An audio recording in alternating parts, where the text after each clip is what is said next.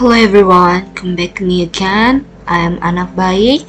This is my next podcast about when I falling in love.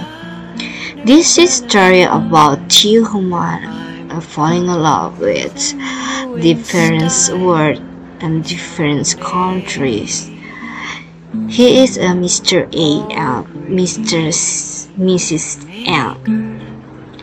You are the one person who took to mobile phones and sang songs to cheer up a little kids on the other side of the world. I literally cry overdose. I don't know what else to say. Aliens is the more correct word I could find to describe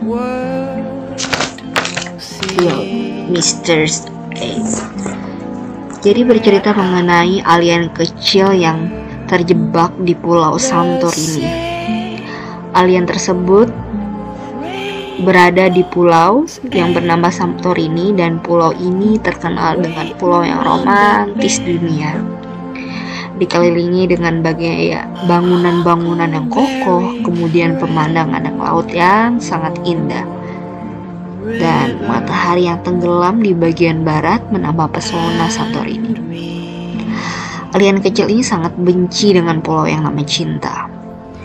Dia ingin lari dari tempat itu tetapi magnet yang terlalu kuat mengikat kakinya. Apakah ia harus berlari? Atau tetap bertahan dan akhirnya terjebak di dalamnya? Alien tersebut bertemu dengan anak kecil yang kesepian dan kehilangan orang tuanya.